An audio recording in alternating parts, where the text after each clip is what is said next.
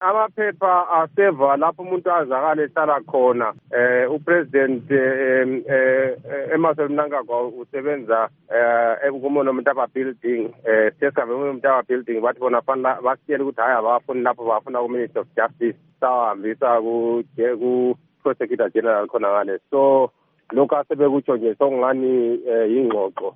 Linanzelele phela lokuthi inauguration akade bekhuluma ngayo sebeyikhansile ngoba bawatholile amaphepha.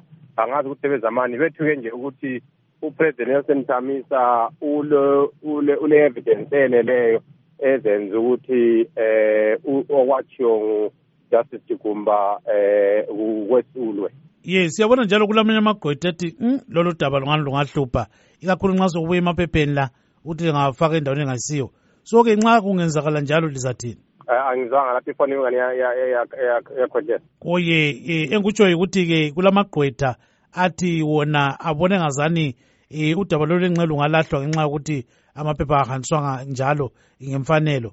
So-ke kungenzekala khonokho lizathini um dokotela?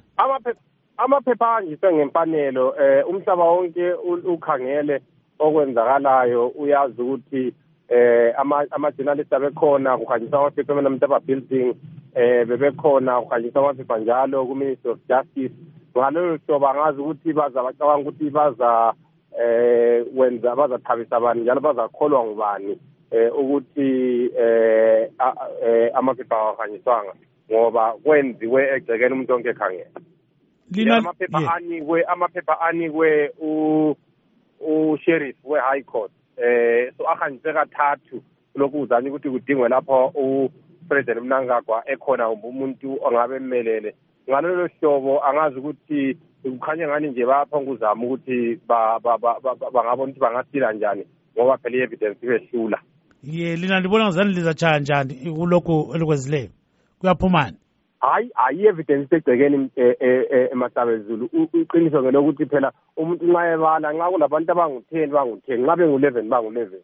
Manje ujustice jigumba wathi abantu bangu-eleven uthe esekhipha amaphepha amaphepha kade no abantu kade bengu-ten khonokho kumgceke phela ukuthi ubekhuluma into ayithandayo nje kodwa engakhuluma into eliqiniso